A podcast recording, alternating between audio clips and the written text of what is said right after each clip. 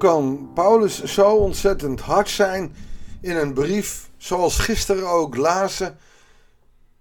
Uw genegenheid voor ons is niet genoeg. En dan toch dat in een brief schrijven. Paulus zit daar zelf ook mee. Kan ik dat wel zo scherp? En dat is ook iets wat mij opvalt in de huidige tijd. Kunnen wij wel zo scherp de boodschap zeggen? Soms niet, soms wel. Ja, we kunnen de boodschap zo scherp zeggen. Waarom? Omdat de boodschap zo scherp is. Als we daar gaan afvlakken, als we die gaan afkoelen, als we die gaan. dan gaat het niet goed. Toch is het ook wel eens lastig om zo scherp te zijn. En dat zullen we ontdekken dat Paulus dat ook heeft. Goedendag, hartelijk welkom op deze dinsdag. Fijn dat je luistert naar een nieuwe uitzending in deze podcast van het Bijbels Dagboek. We lezen uit de tweede brief van de Corinthiërs. Hoofdstuk 7, vers 5 tot en met 16. En daar staat, toen we in Macedonië kwamen, vonden we geen rust, maar werden we van alle kanten belaagd. Van buitenaf door vijanden, van binnenuit door zorgen. Maar God, die moed geeft aan wie te neergeslagen is, gaf ons moed door de komst van Titus. Paulus die ondervindt nogal strijd. Van buitenaf, maar ook van binnenuit. En dat is voor de kerk ook zo. Binnenuit is er een probleem. Zijn de christenen niet met elkaar eens. Buitenaf zijn er heel veel kritieken op de kerken en uh, worden we vaak niet eens serieus genomen. Ook die strijd kennen we. Paulus had dat ook. Paulus werd echt een dorp of een stad uitgegooid. Maar ook van binnenuit had hij zorgen. En dan, dan geeft God bemoediging. En dan hoor ik heel veel mensen zeggen: ja, hoe doet hij dat nou? En dat is het prachtige van deze uh, tekst. Hij zegt: Hij gaf ons moed door de komst van Titus. En dan moet ik weer denken aan het liedje van Gerald Troost. Ik zie goud in jou, want ik zie God in jou. Soms kan God mensen gebruiken, en dat doet hij heel vaak, denk ik, om mensen te bemoedigen die te neergeslagen zijn. Hij doet het hier bij Paulus. Titus heeft een mooie boodschap. En geeft hem ook door. Maar ook de inhoud van het bericht bemoedigt Paulus. Niet alleen daardoor, ook door diens bericht over de manier waarop u hem bemoedigd hebt. Zo zie je dat Titus bemoedigd is door de gemeente van Korinthe. En Korinthe was dat in het verleden door Paulus. Die is op zijn vingers getikt door Paulus in de eerste Korinthebrief. Uh, is daarin verandering gaan doen. Heeft Titus daarmee bemoedigd. En Titus bemoedigt Paulus. Dat betekent dus dat we elkaar kunnen bemoedigen. Hij heeft ons verteld hoe graag u ons weer wil zien. Die genegenheid is terug. Hoezeer u treurt om wat er voorgevallen is en hoeveel overtuiging u zich aan mijn kant hebt geschaard. Ze werden wereldgelijkvormig en vonden dat zo erg dat ze op de vingers getikt waren. Niet omdat ze op de vingers getikt waren, maar omdat ze afgedwaald hebben. Dat zullen we zo gaan lezen. Maar juist doordat ze terugkomen zijn ze blij en verlangen ze er weer om Paulus te ontmoeten.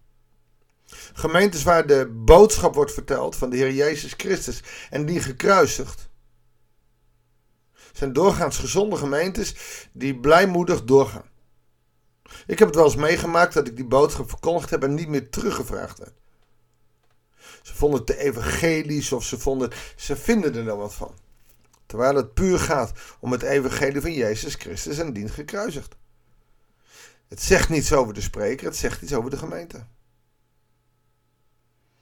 Als je je door laat bemoedigen, dan zie je in de, in de spreker een stukje van God.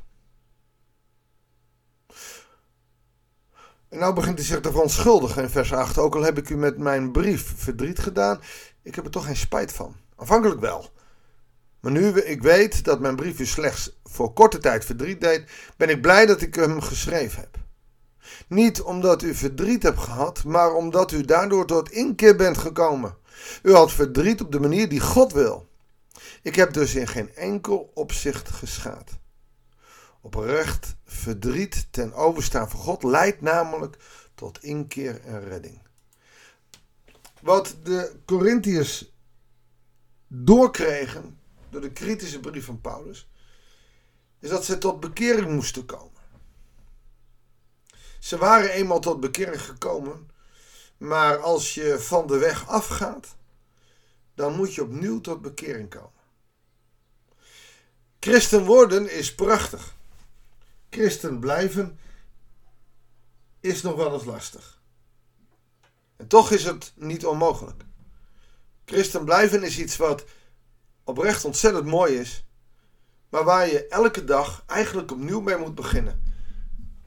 Heer, hier ben ik, uw dienstknecht. Spreek en ik luister. Vergeef me alle verkeerde daden, woorden en gedachten. En vul me met uw Heilige Geest. Dat zou een gebed kunnen zijn wat je elke dag zou kunnen bidden. Zonde vergeven en weet je, zeker in de charismatische richting van uh, het geloof, is zoiets van nou, je hoeft geen zonde meer op te biechten. Je bent gereinigd door het kruis.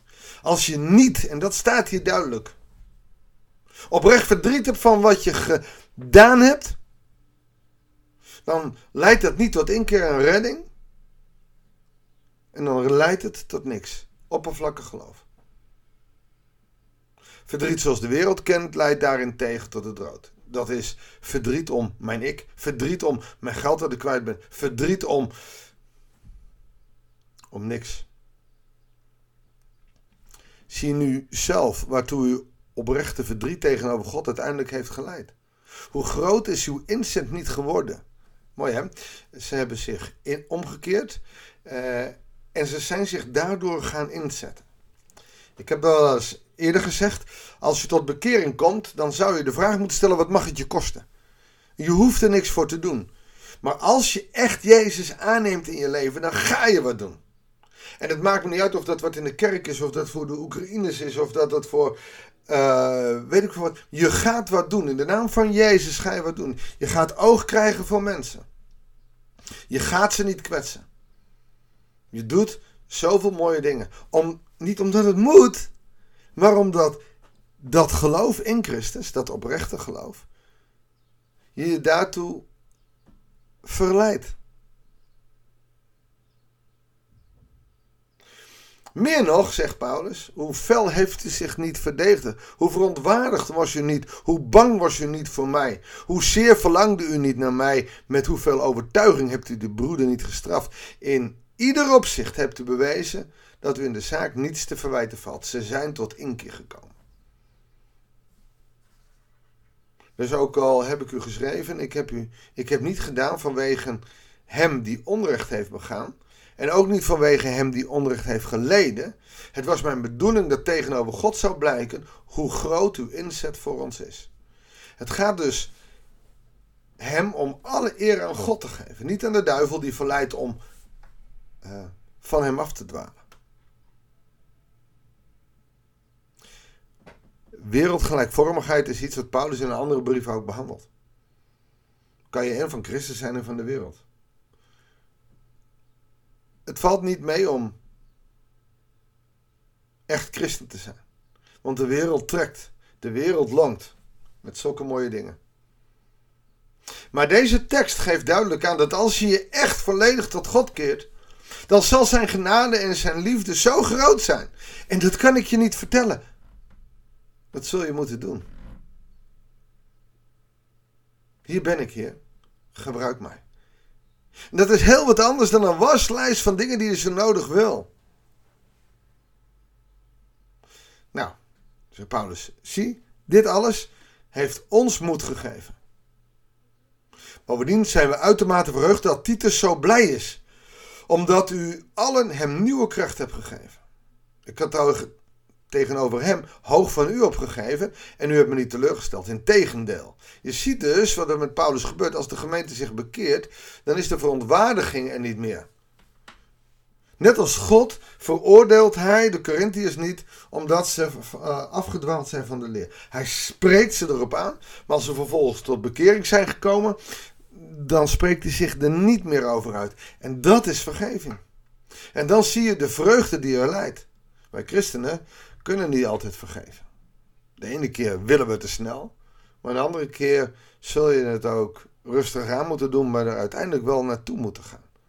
En in sommige gevallen kan het haast nog niet, omdat de pijn en verdriet zo diep liggen.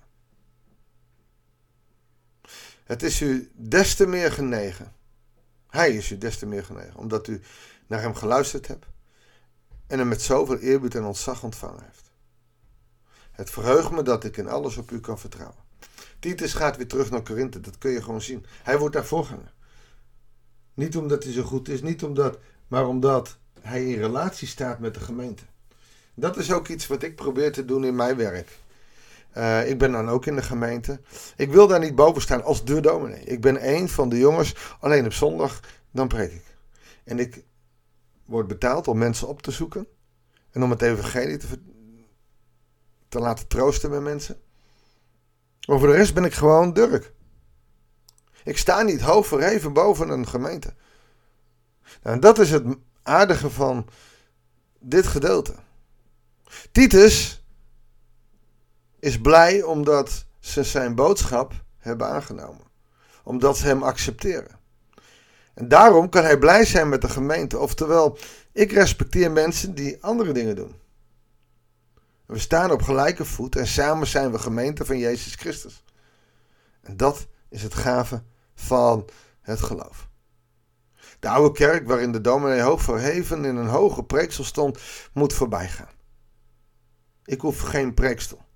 Ik wil in het midden van de mensen staan en soms is een verhoging dan echt wel nodig, anders zien ze ze niet als er veel mensen in de zaal zijn. Maar ik wil niet te hoog. Want ik wil niet hoog verheven zijn. Hoge bomen vangen veel wind en als je hoog opgesteld staat kun je diep vallen. Ik wil een van de mensen zijn in de gemeente. Niet omdat ik me zo slecht voel of wat dan ook, maar omdat ik één met de mensen wil zijn, omdat ik één in de gemeente wil zijn. Alleen dan wel iemand die kan waarschuwen, ook tegen dwaalleer. Nou, ik ga maar door. Ik kan uren doorgaan, maar ik zie dat we over de tijd heen zijn. Ik wil toch kort voor je bidden. Heere God, wilt u alle luisteraars zegenen? Dat zij mogen leren van dit gedeelte, samen met mij. Dat we elkaar de waarheid moeten zeggen. Vooral rondom het niet-gelovige. Uh, in een span, zeg maar, met een gelovige omdat wij ons christenen ons te gemakkelijk wereldgelijkvormig gedragen. Ja, God, en we hebben er allemaal last van. Het is zo moeilijk. Wil ons zegenen met uw Heilige Geest. Omdat we keuzes kunnen maken. En als we al een keuze gemaakt hebben en we zitten in zo'n ongelijk span, Heere God, laat ons dan een driespan maken. Waarin u meeloopt. Want als we u niet dienen, als u niet voor ons uitgaan, we zouden voor niets op weg gaan. Heer, ga zo met ons mee deze dag. Dat bidden we in Jezus' naam. Amen. Dankjewel voor het luisteren. Ik wens je God zegen. En heel graag tot de volgende uitzending van het Bijbelsdagboek.